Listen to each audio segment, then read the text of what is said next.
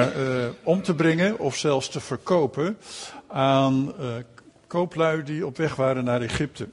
Hij werd in de put gegooid en hij werd verkocht. En we weten wat er toen met hem gebeurde. Hij werd meegenomen. En eigenlijk was het thema toen dat God heeft een droom over jouw leven. Net zo goed als hij dat had over Jozef. Want we weten dat Jozef uiteindelijk werd hij een van de, ja, van de meest invloedrijke mensen in Egypte.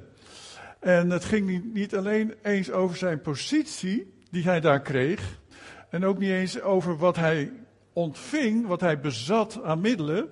Want hij kon eigenlijk eh, later zijn eigen familie voeden met graan. En zelfs ook het hele uh, volk uit, uit, het is, is, uh, uit Israël kon hij voeden. Omdat in Egypte was genoeg graan. Terwijl in Canaan er hongersnood was. God heeft zijn leven gebruikt. God keek vooruit. Hij kent al onze levens. En God heeft een droom over jouw leven. Amen. God zegt, I have a dream. En die droom, dat ben jij. Is dat niet fantastisch? Die droom, die ben ik. Die droom, die ben jij. Heb je er wel eens over nagedacht? Je bent een droom voor God. God heeft een droom voor jou. En over jou. En die is altijd goed. Die is altijd positief. En ik wil eigenlijk vandaag eigenlijk het hebben over hoe, hoe bewaar je, hoe bescherm je nou die droom die God over jou heeft. En dan neem ik jullie mee naar Genesis 39. Een stukje weer van het leven van Jozef. Jozef, ik lees het heel snel, is dat goed? We gaan het niet projecteren, maar het is een prachtig verhaal. Jozef was dus door de Ismaëlieten meegenomen naar Egypte. En daar was hij dus gekocht door Potifar. Een vooraanstaand man die tot de hoofdelingen van de farao behoorde. En het bevel voerde over zijn lijfwacht. De Heer stond Jozef terzijde. Prachtige tekst, hè? De Heer stond Jozef terzijde. De Heer wil jou terzijde staan. Zodat het goed met hem ging. Oeh, halleluja. Hij mocht in het huis van de Egyptische meester werken. En omdat zijn meester zag dat de Heer Jozef terzijde stond. En alles wat hij ter hand nam voorspoedig liet verlopen. Was hij Jozef goedgezind. Dus die man die zag dat God met Jozef was. Ik hoop dat dat ook zo is in ons leven. Dat mensen kunnen zien dat God met ons is. Kan jouw omgeving je dat zien bij jou? Dat God met je is? Dat zag deze man bij Jozef. En hij maakte hem tot zijn persoonlijke bediende. En liet de gang van zaken in het huis aan hem over. En gaf hem het beheer over alles wat hij bezat. Wow! Stukje van die droom van God begon echt in vervulling te komen. Maar we weten ook wel dat die putervaring dat verkopen aan, uh, aan zo'n Egyptisch volk ook een deel van die droom was. Het minder prettige deel, maar hem wel vormde tot die man die hij nu was in dat huis van Potifar. En vanaf het ogenblik dat hij hem belastte met het toezicht op zijn huis en zijn verdere bezittingen, zegende de Heer het huis van de Egyptenaar Omwille van Jozef. Oeh, halleluja. Je zal toch maar voor een werknemer werken, werkgever werken, die omdat jij daar werkt, gezegend wordt. Oh, halleluja. Ik geloof dat de school waar wij hier in zitten, gezegend wordt omdat wij hier mogen huren. Amen. Absoluut. En je kunt het vragen aan de manager van de school en die zal dat mede getuigen. Het gaat goed met deze school. Halleluja. Lieve mensen, deze waarheid is niet veranderd. De zegen van de Heer rustte op alles wat hij bezat. Die Potifar dus. In huis en daarbuiten. Daarom vertrouwde hij alles volledig aan Jozef toe. Nu Jozef er was, bekommerde hij zich alleen nog om wat hij te eten kreeg. En dan komt het. Jozef was knap en aantrekkelijk. Die zag er dus niet zo uit als ik. Maar hij was knap en aantrekkelijk. En na verloop van tijd liet de vrouw van zijn meester haar oog op hem vallen. Kom bij me liggen, zei ze. Maar dat weigerde hij. Sinds ik hier ben, Hij, maakt mijn meester zich geen zorgen meer over wat dan ook hier in huis. En heeft mij het beheer gegeven over al, mijn, al zijn bezittingen. En ik heb hier evenveel gezag als hij. En hij heeft mij niets onthouden, behalve u. Omdat u zijn vrouw bent. Hoe zou ik dan zo'n grote wandaad kunnen begaan en zo kunnen zondigen tegen God? En dan weten we dat de geschiedenis verder gaat. Dat op een gegeven moment blijft ze hem maar roepen, blijft ze hem maar verleiden. En op een gegeven moment pakt ze zijn kleed. En moet hij zich los, lostrekken en blijft zijn kleed bij haar achter. En begint zij hem te beschuldigen. Begint zij te schreeuwen in dat huis, te beschuldigen dat hij haar misbruikt heeft. En zo zien we dat aan het einde van dit hoofdstuk, zo kwam Jozef in de gevangenis terecht. Vers 20. Terwijl hij er geen schuld aan had. Wel een leuke droom had God voor hem dan. Hè? Zo'n jongen, een putervaring. Verkocht worden. Slaaf worden.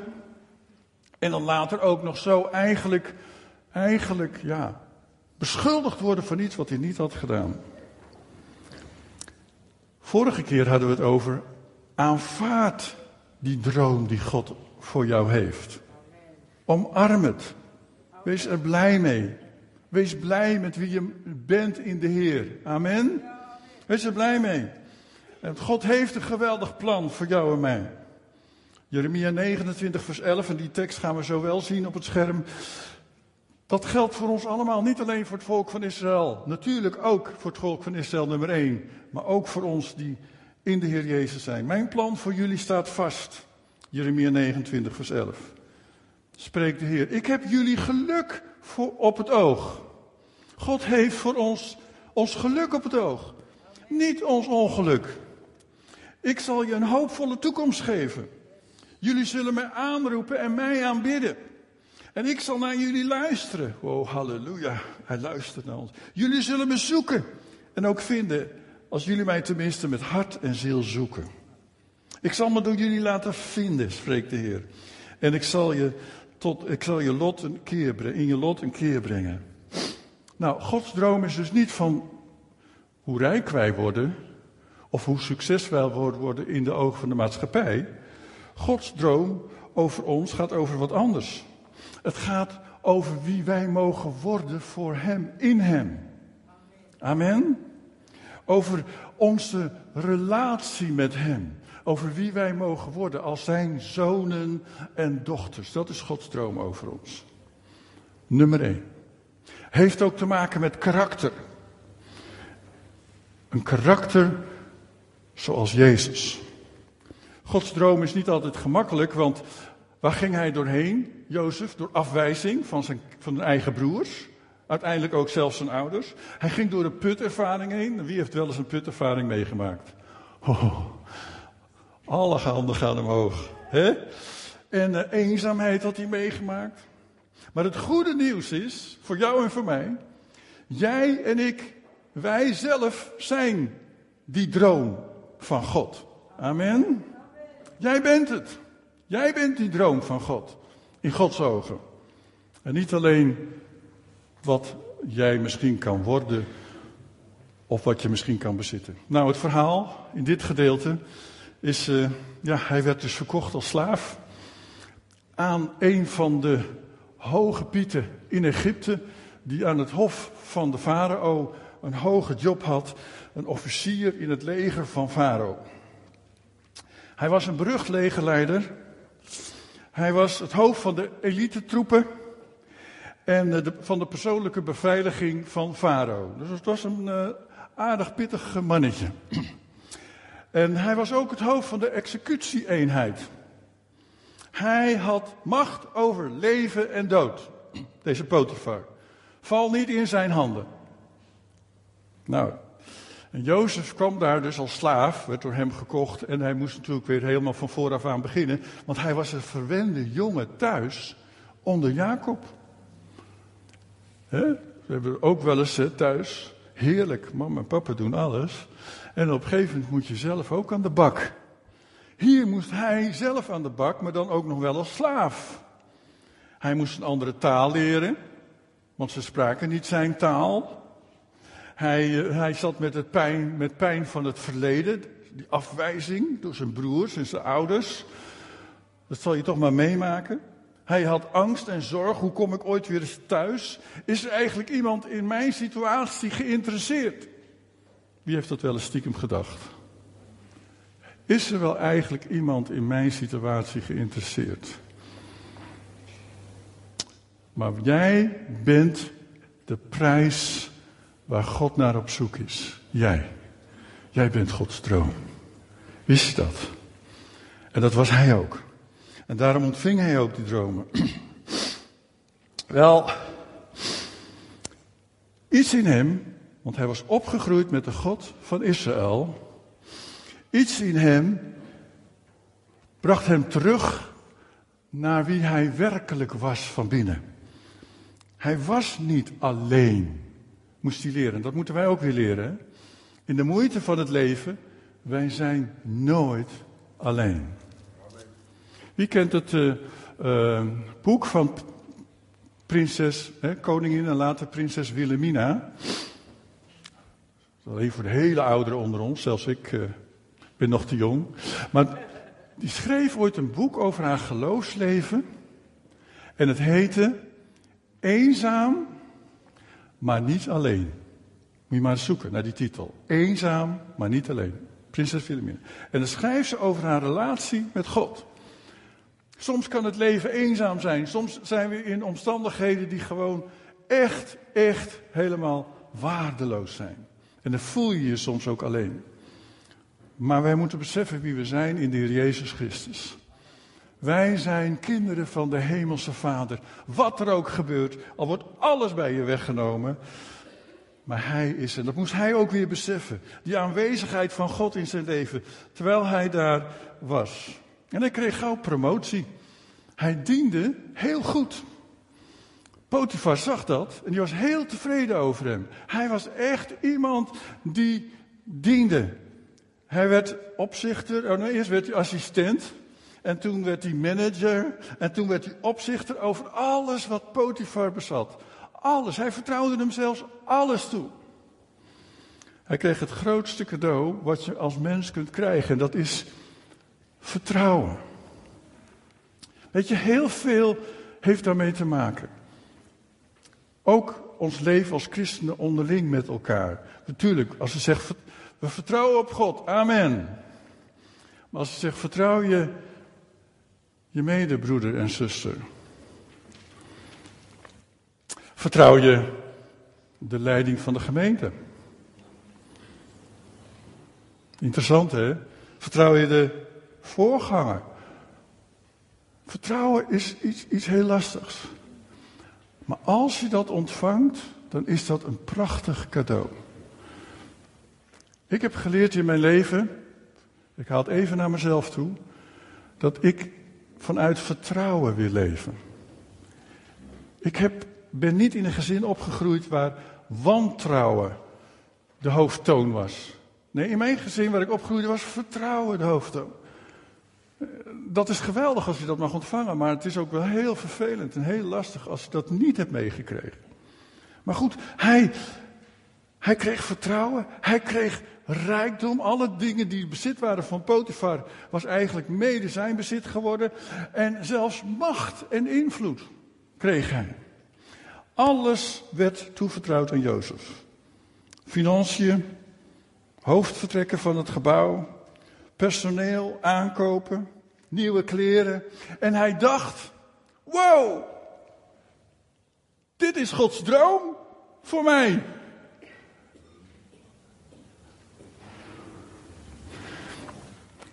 Hij dacht toch weer heel eventjes aan spullen en aan dingen. Terwijl het gaat om het hart. De vrouw van zijn baas was zelfs vriendelijk en aardig tegen hem. Ja. Als God met ons is, wie kan er dan tegen ons zijn? Amen, zeggen wij dan. Niets kan tegen ons als God met ons is. Maar daar in die situatie kwam de test voor hem.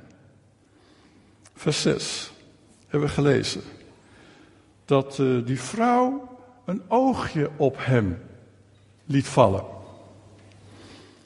Juist terwijl hij zich daar zo, ja, misschien alleen voelde.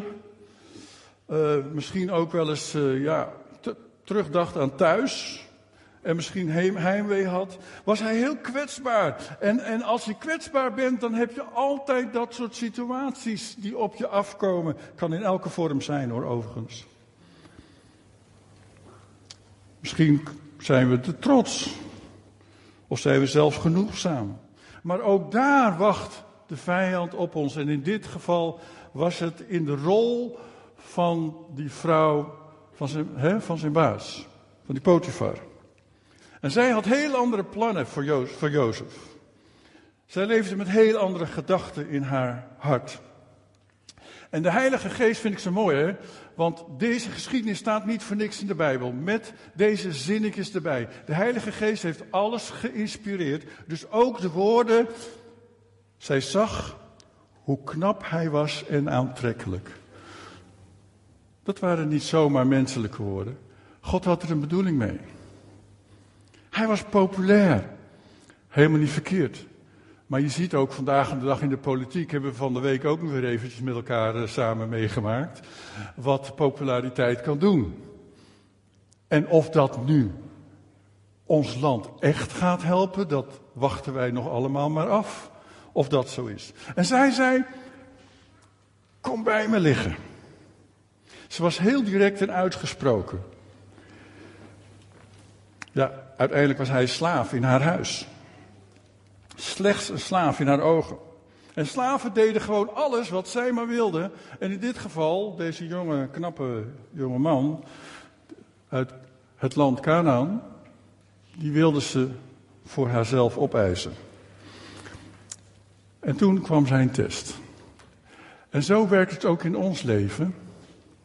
Want terwijl God bezig is die droom van Hem in ons leven te vervullen, worden wij getest. Worden wij getoetst. En hoe makkelijk is het niet, en het klinkt, zelfs door in onze gelederen, om, hoe makkelijk is het niet om te zeggen van, ah, ah, die ene keer. Ah, kijk eens om ons heen, joh, het gebeurt overal, hè. laat maar, joh. Iedereen doet het.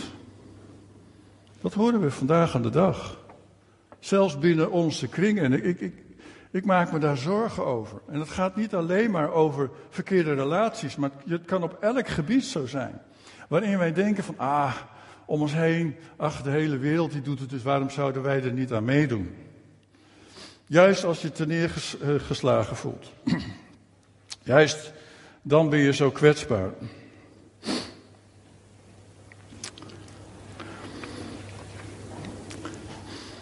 Kom bij me liggen. Wat zei Jozef? Hij zei nee. Hij zei nee.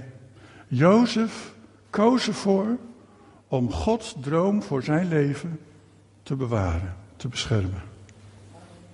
En het niet te verkwanselen. lieve mensen, natuurlijk, God vergeeft. He, al onze fouten mogen, bij de, mee, mogen mee naar de Heer komen. Echt waar. Maar wij moeten ook waakzaam zijn. Jozef zei: nee, het is fout. Het is niet goed. Het klopt gewoon niet. Hij had ook kunnen zeggen: ach, een keertje iemand die het ziet. En als je in Egypte bent, doe je toch gewoon ook wat de Egyptenaren allemaal doen. En uiteindelijk is zij toch de, is zij toch de, baas over mij dan is zij verantwoordelijk. Nee, terwijl zij bleef aandringen, dringen, hield Jozef stand. Hij wilde die droom van God voor zijn leven bewaren, beschermen. Er is meer dan het goede doen. Hij had het vertrouwen gekregen, niet alleen van zijn baas, maar hij had het vertrouwen gekregen van God. Jij hebt ook het vertrouwen gekregen van God. Weet je dat? Eigenlijk denk ik wel eens van, ik ben heel erg dwaas. dat u zo mijn vertrouwen gaat stellen in mensen. Maar er is zelfs meer dan vertrouwen. Ik geloof dat Jozef koos voor nee, omdat hij wist dat zijn God een God van gerechtigheid was. Amen. En het is soms ook goed in ons leven dat wij meer soms voor onszelf, niet, niet tegen de anderen, maar voor jezelf, nee durven zeggen, om, vanwege onze God, die heilig is. Hij is gerechtigheid, daarom kies ik het juiste. Genesis 39, vers 8 en 9 kan op het scherm, maar dat weigerde hij. Sint ik hier ben, zei hij, maakt mijn meester zich geen zorgen meer over wat dan ook hier in huis. En hij heeft mij het beheer gegeven over al zijn bezittingen. En ik heb hier evenveel gezag als hij en hij heeft mij niets onthouden, behalve u. Omdat u zijn vrouw bent. En dan komt het. Hoe zou ik dan zo'n grote wandaad kunnen begaan en zo kunnen zondigen tegen God? Hij had het hier niet eens over Potifar. Hij had hier iets over iets wat hoger was. Veel hoger. God zelf. Onze keuzes, lieve mensen, hebben daarmee te maken. Bescherm Gods droom over jouw leven. I have a dream, zegt God tegen jou. Hij heeft een fantastische droom over jou. Bescherm het. We zien hoe hij hiermee omging. Heel wijs. Hij zegt, weet je, jouw echtgenoot, die vertrouwt ons alle twee. Die vertrouwt mij, maar die vertrouwt jou eigenlijk ook. Je bent wel zijn vrouw, maar hij vertrouwt eigenlijk jou dat je dit niet zal doen. Maar de God waar ik je van verteld heb, en reken maar dat hij uh, bezig was om te vertellen wie zijn God was. Mijn God zegt nee. En daarom doe ik het niet. Wauw, is dat niet fantastisch? God vraagt ons om ons aan zijn standaard te houden, lieve mensen. Ik weet dat het best wel lastig is soms. Want om ons heen lijkt alles wel te verwateren. Is dat niet zo? Eh, en we gaan hier elkaar ook geen wetjes voorschrijven in de gemeente. Dat doen we niet aan. Wij geloven dat de Bijbel duidelijk is. We hebben de tien geboden. Maar de Bijbel heeft ook duidelijk het over wat hoort bij het leven hè, in de geest de vrucht van de geest en wat de vrucht van het vlees is. Heel duidelijk. En wij kiezen niet omdat wij ons zo netjes willen voordoen voor mensen, maar omdat wij kiezen voor de standaard die God ons heeft gegeven. Amen. Laat dat altijd je motivatie zijn. Wees daardoor gemotiveerd. Ze probeerde het nog een keer, trok, haar op, uh, trok hem op zijn bank, op haar bank en uh, ze pakte zijn kleed. En voor de tweede keer in zijn leven was hij zijn kleed kwijt. Eerste keer ook, maar toen ging hij de put in. En nu weer. Dat is een mooie mantel. Hij liet dat mooie kleed van die mooie job en baan van hem bij haar achter en hij rent weg.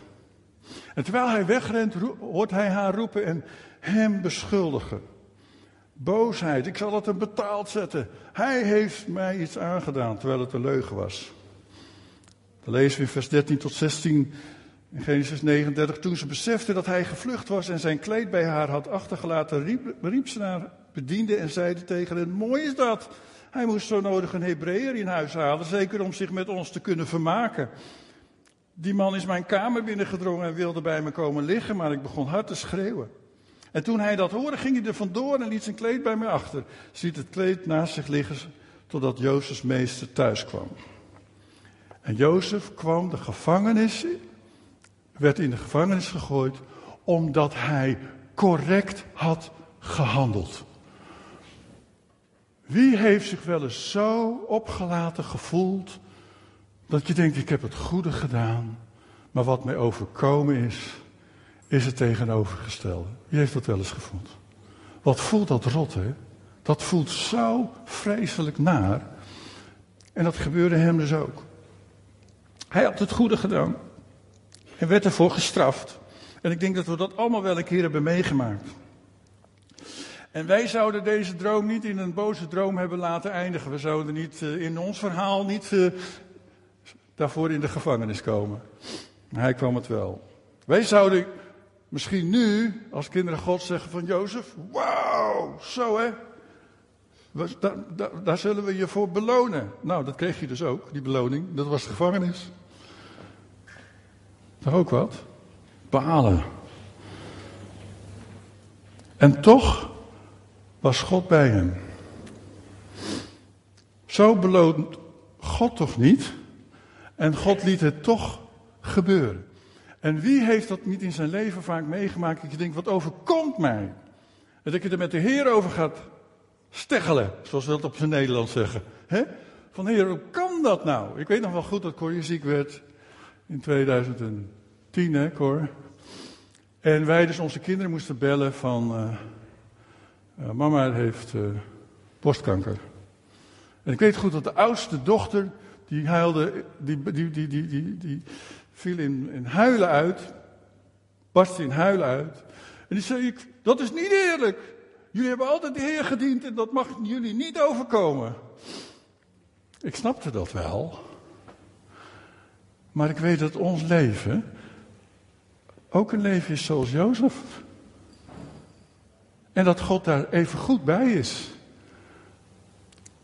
Want God gaat zijn droom voor ons uitwerken.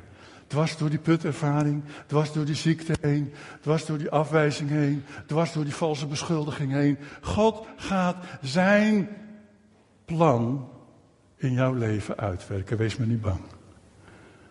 Ja, maar er zijn zoveel dingen mislukt bij mij. No problem. Voor God is dat geen probleem. Hij pakt je gewoon weer op.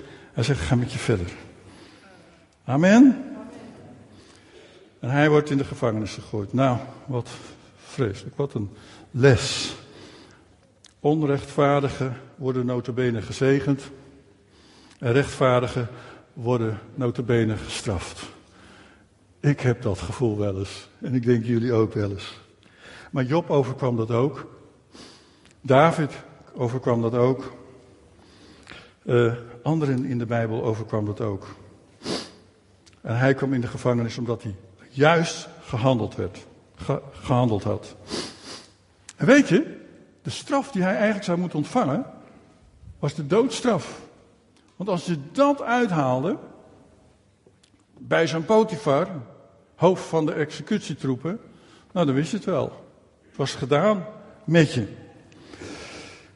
Waarom staat deze geschiedenis in de Bijbel? Zodat we ervan kunnen leren, lieve mensen. Zodat wij ervan kunnen leren. God liet dit gebeuren binnen zijn droom voor Jozefs leven. Nou, hij wil alleen maar het beste voor ons. Dat hebben we ook gelezen. Dus het was niet God die dit wenste. Het is niet, ook niet God dat, die wenst dat wij ziek worden. Dat Cor die borstkanker kreeg. Maar het overkomt ons wel. En God is daarbij. En God is bezig zijn droom in Corrie en mijn leven uit te voeren. En een deel om ons die mensen te maken. Zodat we die kunnen worden zoals Hij dat heeft bedacht.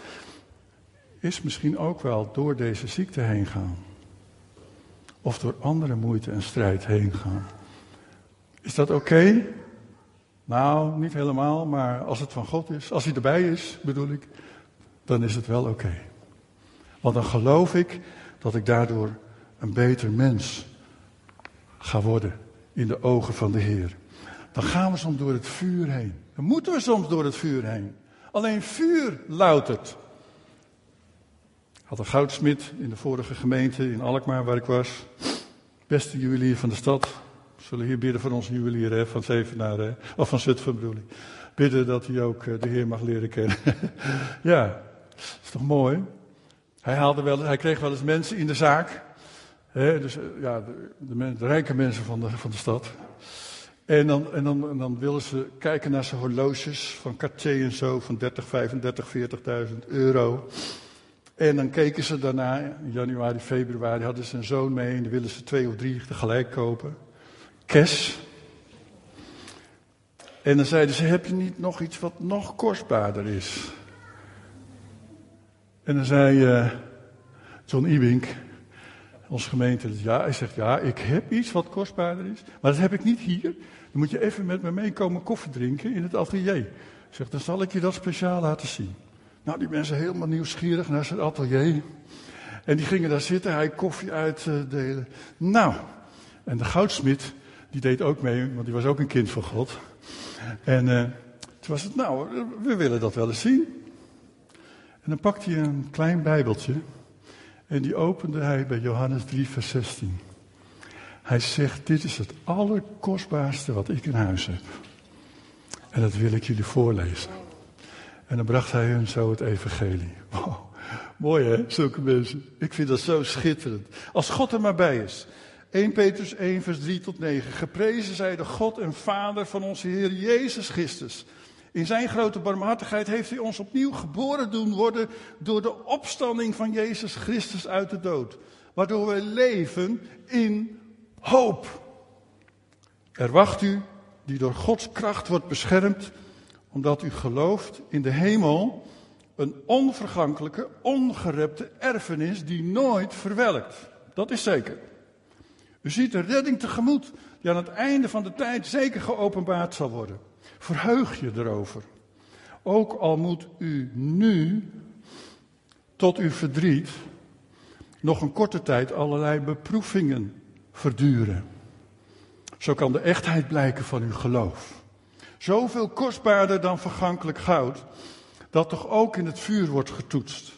En zo verwerft uw lof, eer en roem wanneer Jezus Christus zich zal openbaren. U hebt hem lief, zonder hem ooit gezien te hebben. Ja, toch? En zonder hem nu te zien, gelooft u in hem en ervaart u een onuitsprekelijke hemelse vreugde. Amen. Omdat u het einddoel van uw geloof bereikt. En dat is uw redding. Halleluja. Dan gaat hij verder in vers 15. Laat uw geest daarom voortdurend paraat zijn. Jozef was paraat in zijn geest. Hij was paraat. Hij lette heel goed op. Wees waakzaam. En vestig al uw hoop op de genade die u ontvangen zult wanneer Jezus Christus zich openbaart. Wees als gehoorzame kinderen. Geef niet opnieuw toe aan de begeerte waardoor u vroeger, toen u nog onwetend wordt, werd beheerst. Maar leid een leven dat in alle opzichten heilig is. Zoals Hij die u geroepen heeft heilig is. God heeft ons geroepen om rechte sporen te trekken in het leven. Bescherm die droom die God voor jou heeft. Jezus zei, en hij zei dat, hij belooft ons dat, ze zullen ons haten. De wereld zal je haten. Verheug je daarom, want dat gaat toch gebeuren. Doe daarom ook niet mee met hen. De verleiding was hier voor Jozef om Gods plan, Gods droom voor zijn leven te compromitteren. En allemaal zullen wij door deze testen heen gaan. Niemand van ons uitgezonderd. In allerlei vormen zal dat in ons leven terugkomen. En uh, niemand zal hier buiten staan.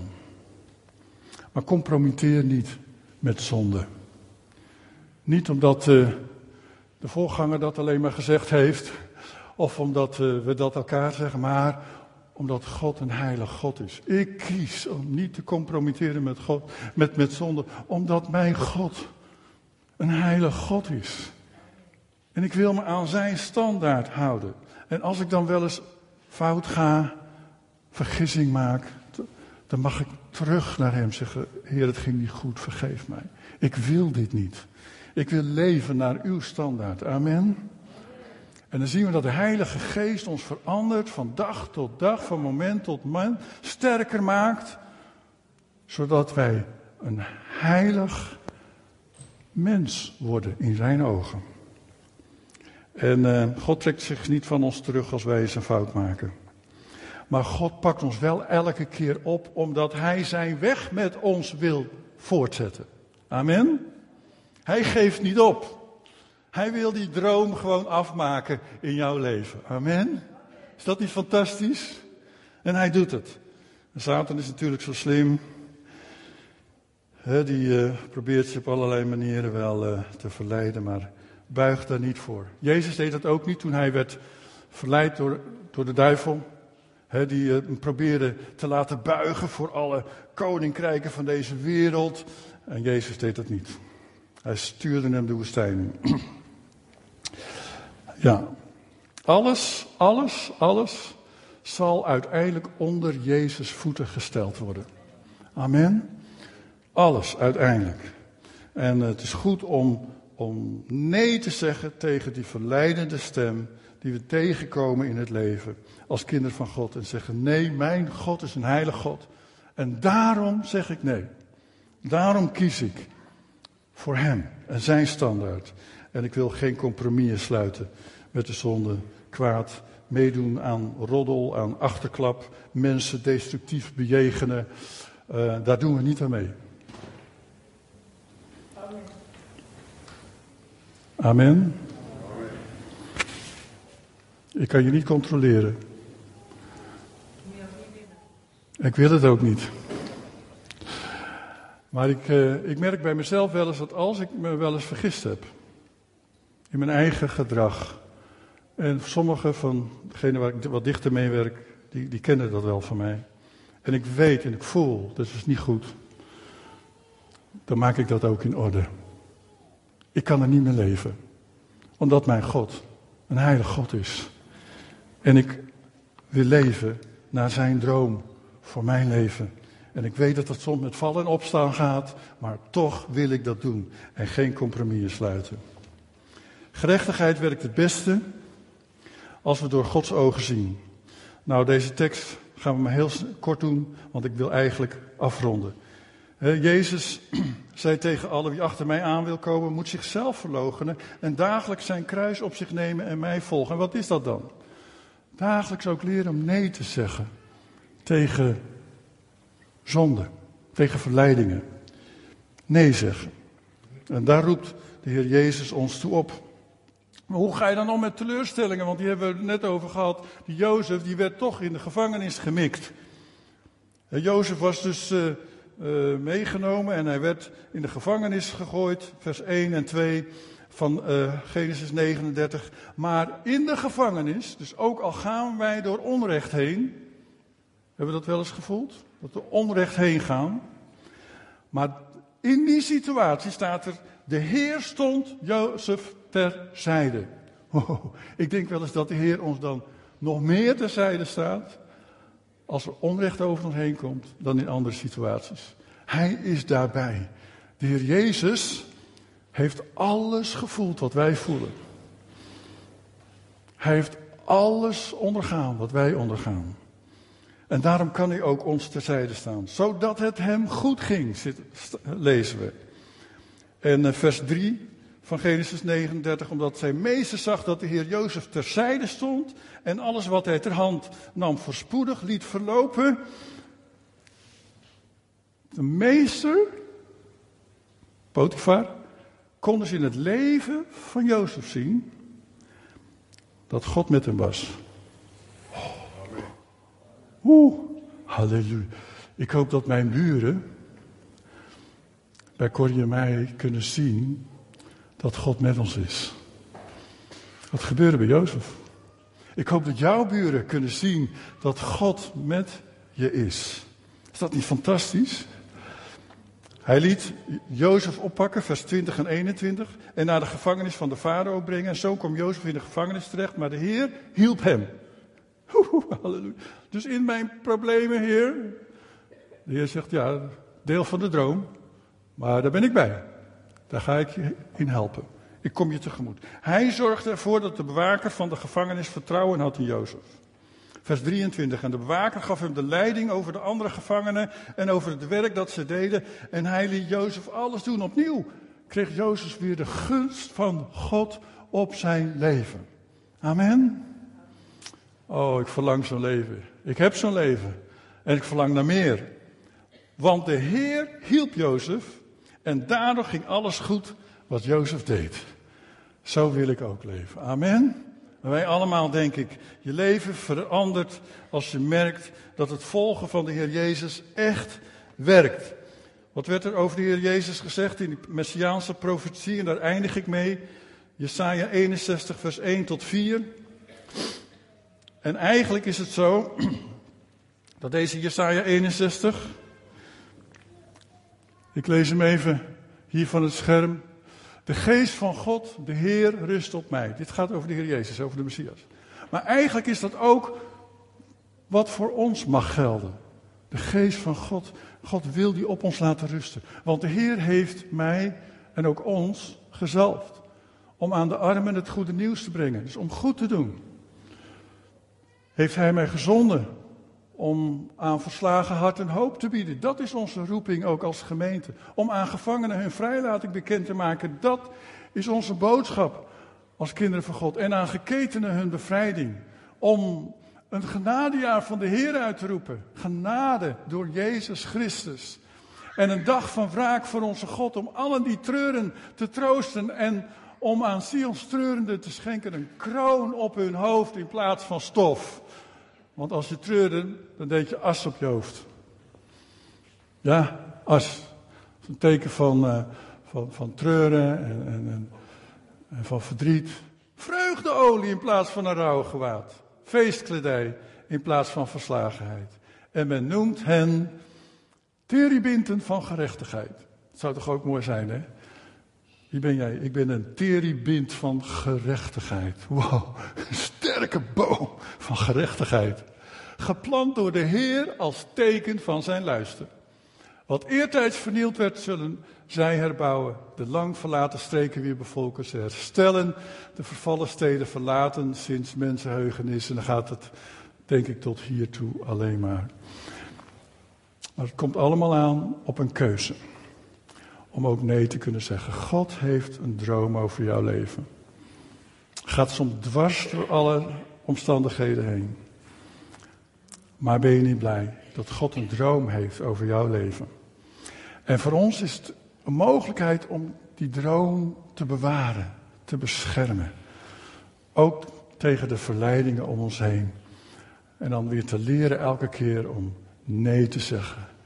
Niet meedoen omdat anderen dat ook maar doen. Maar nee te zeggen, zeggen mijn God heeft een standaard waar ik naartoe wil leven. Wie wil dat met mij? Zullen we dan gaan staan? Dank u Heer. Dank u Heer Jezus. Heer, dank u wel voor die geschiedenis van Jozef. Heer, we lezen dat zo vaak, we hebben het op zonderschool vroeger gehoord. We kennen die geschiedenis, maar er zitten zulke diepe lessen in. En Heer, ik bid ook echt dat die diepe lessen ook in ons leven wortel mogen schieten. En dat we mogen leren, Heer, om ons leven open mogen stellen in, voor die karaktervorming van uw Heilige Geest.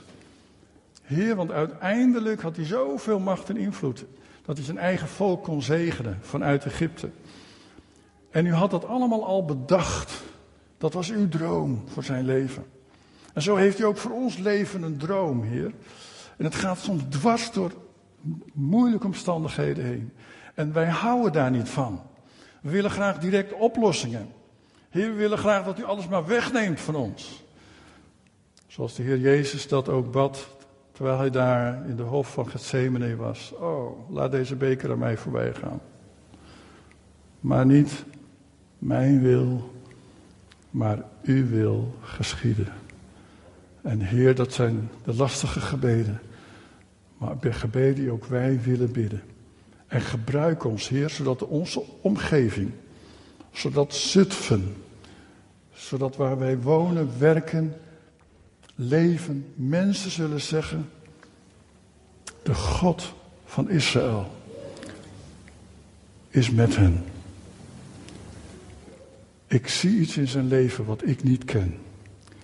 En wij weten dat u dat bent, Heer, door uw Heilige Geest. Zegen ons zo. Heer, als we zo meteen naar huis gaan en er zijn mensen onder ons die worstelen met iets wat ze willen opgeven, wat ze zeggen, Heer, omdat u een heilig God bent, wil ik komen en dit afleggen, neerleggen stoppen. Of het nou geklets is, geroddel is, gepraat, achterklap of zelfs misschien overspel. Heer, wij willen nee zeggen tegen die dingen.